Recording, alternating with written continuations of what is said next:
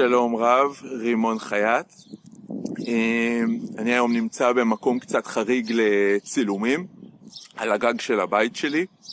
מאחוריי אפשר לראות מערכת אה, סולארית שאנחנו בדיוק אתמול גמרו להתקין אותה, מערכת לייצור חשמל ומכירה שלו לחברת חשמל כדי לקבל הכנסה חודשית.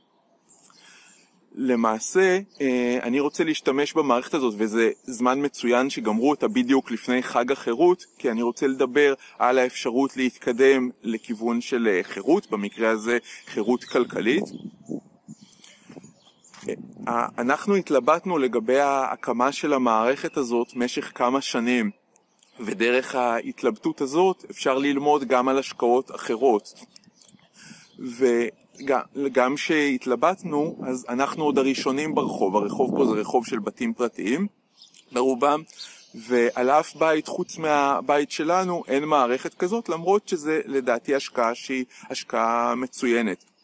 ומה שאני רוצה לדבר זה על הסיבות שבגינה אנחנו אה, התלבטנו הרבה זמן, אחרים כנראה עדיין מתלבטים, יש כאלה שהתלבטו כל החיים, ו... אה, וחבל, כי באמת יש פה פוטנציאל שהוא מאוד מאוד גדול, גם ברמת המיקרו, ברמת הרווחה של המשפחה שלנו, וכמובן גם ברמת המקרו של אה, חיסכון ב, אה, בזיהום אוויר. אז uh, הסיבה הראשונה שאנחנו לא uh, שמנו מערכת כזאת משך שנים, למרות שאני ככלכלן כבר פעם חישבתי שזו תשואה uh, נפלאה, יותר טובה מכל השקעה שאני מכיר, בטח יותר מהשקעה בטוחה, ופה מדובר על השקעה בטוחה לגמרי, יש חוזה ל-20 שנה עם, עם חברת חשמל על תעריף uh, ידוע. אנחנו כל הזמן נמנענו מלעשות את זה כי אמרנו אנחנו רוצים לבנות עוד קומה בבית שלנו. וזה שטות לשים את המערכת לפני שבונים את העוד קומה, כי אחרי זה צריך לפרק אותה ולהרכיב אותה מחדש וזה. ומהעוד קומה אנחנו, אה, לוקח לנו הרבה זמן עד שנגיע, זה גם כסף, זה גם אה, היתרי בנייה ודברים כאלה, ואז אה, השתהינו גם עם המערכת במשך אה, למעלה מחמש שנים. והשלב שבו החלטתי אה, להתקין אותה למרות שעוד לא בנינו את הקומה זה, זה מתי שאמרתי לעצמי בעצם זה שטות. כל מה שאני צריך לבדוק זה כמה עולה אם אני מתקין אותה לפרק ולהרכיב מחדש. ברגע שראיתי שהמערכת כמעט כל העלות זה הפאנלים עצמם והפירוק וההרכבה זה אה, כמה אלפי שקלים בודדים אז את אותם כמה אלפי שקלים בודדים אני על שנה אחת שהמערכת עובדת כבר הייתי יכול לכסות, ולמעשה כל ההמתנה הזאת הייתה אה, לגמרי לחינם. סיבה שונה שאנשים לא מתקינים, למרות שאני אה, ממליץ לכל מי שמגיע אליי ויש לו בית פרטי להתקין, סיבה נוספת שאני שומע המון פעמים, זה עכשיו זה כבר לא כדאי, פעם התעריפים היו הרבה יותר גבוהים. ובאמת, כמעט לכל השקעה, נדל"ן והשקעות אחרות, אני שומע את הסיבות הזה שעכשיו זה לא כדאי. אז קודם כל יש לי סוד בשבילכם, אף פעם זה לא כדאי. מי שלא רוצה לעשות פעולות, אז אף פעם זה לא הזמן הטוב אה, בשבילו, כמו אה, שהיינו אומרים פעם על מילואים, שאף פעם זה לא הזמן המתאים. אה, אבל אם נפרוט את זה לפרוטות, אז נכון, היום התעריף שמקבלים מחברת חשמל הוא הרבה יותר נמוך מהתעריף שקיבלנו לפני כמה שנים, או שיכללנו לקבל לפני כמה שנים. אז מה, זה שטות גמורה, לא ככה מודדים השקעה לפי ההכנסה, צריך למדוד השקעה לפי היחס בין ההכנסה לבין ההוצאה. וזה נכון שהיום ההכנסה יותר נמוכה, אבל גם המחיר של הפאנלים הוא הרבה יותר נמוך, והתשואה היא עדיין נשארה תשואה מאוד גבוהה, אה, בטח יותר גבוהה מהשקעות בטוחות אה, אחרות שאני מכיר. ולכן זה לא אמור להיות סיבה לא לעשות, זה שהם מקבלים פחות. מה שצריך למדוד זה את התשואה, את היחס בין מה שהם מקבלים לבין העלות. אמ, וגם מבחינת תשואה, נניח שהתשואה הייתה יורדת, שפעם היא הייתה 11 אה, אחוז והיום היא רק 8 אחוז, ואני אומר רק בגרשיים כי ברור ש-8 אחוז זה תשואה גבוהה, אז זה שפעם היה אפשר לקבל יותר, או שמישהו קיבל יותר, זה לא סיבה שאני אוותר על מה שאני יכול לקבל, כמובן. אז זה העניין הזה. עוד סיבות שאני שומע זה אין לי כסף. אז קודם כל, אין לך אה, פעם בכמה שנים 70 אלף שקלים, אז אה, זה משהו שאתה עושה לא טוב, כי, או זה אומר שאתה תמיד תהיה בתוך אותו מעגל של עבודה קשה, מחיה שוטפת, עבודה קשה, מחיה שוטפת, ובעצם אין פה התקדמות, או אין פה סיכוי להתקדמות יותר גרוע.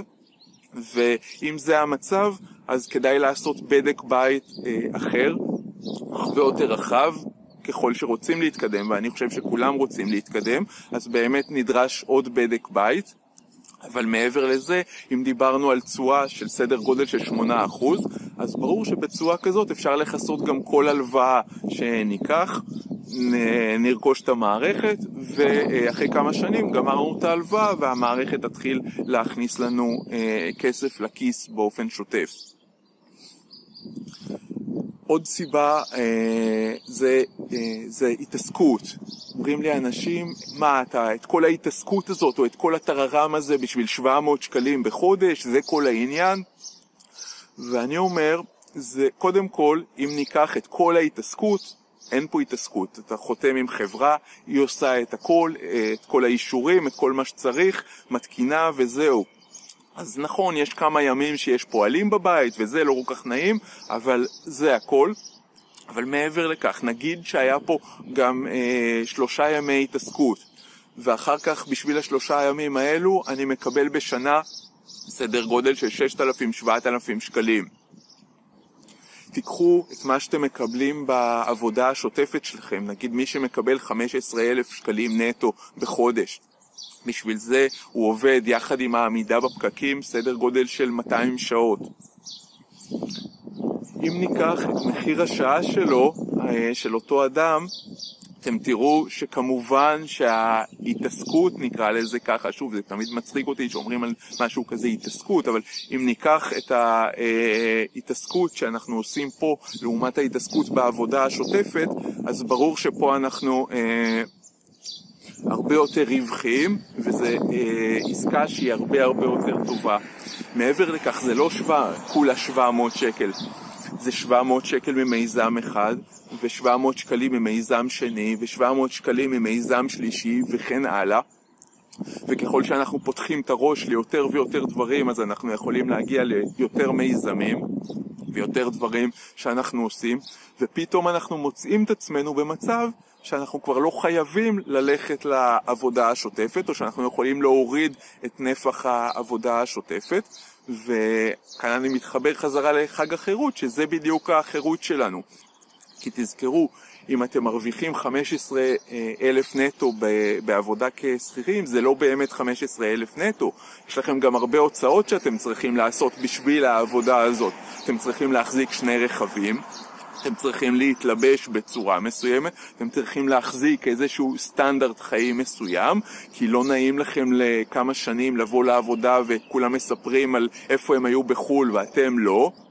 אז יש כל מיני דברים שהעבודה עוד גורמת לכם להוצאות, אז נראה לכם שאתם מרוויחים 15,000, אבל יכול להיות שהרווח, ההכנסה האמיתית היא בכלל סדר גודל של 12,000 או אפילו של 10,000, בגלל כל הנלוות לעבודה השוטפת שלכם.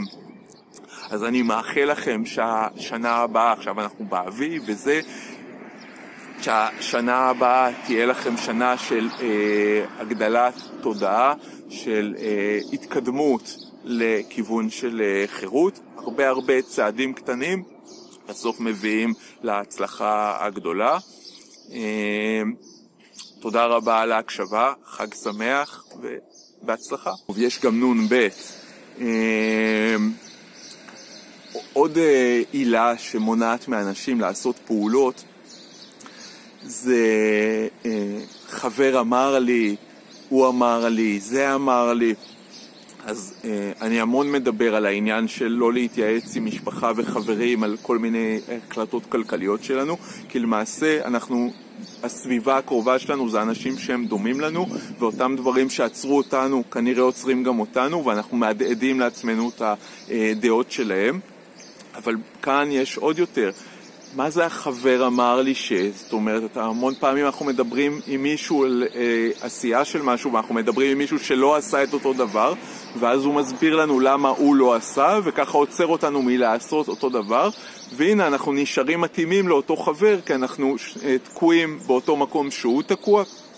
ויכולים לדבר ביום שישי על כמה קשה בישראל וכולי, והכל בסדר, אנחנו אה, כולנו חברים טובים, רק לא התקדמנו לשום מקום.